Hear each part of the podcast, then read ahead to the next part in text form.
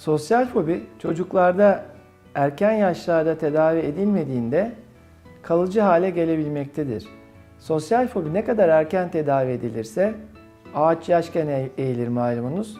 Tedavisi o kadar kolay olacaktır. Ayrıyeten çocuk gelişim çağındaki bir bireydir. Dolayısıyla sosyal fobiyle büyüyen e, bir çocuk gelişimi sırasında da bir takım aksaklıklara maruz kalacaktır ki ileriki yaşta kişilik gelişimi tam anlamıyla tamamlanmamış olabilir.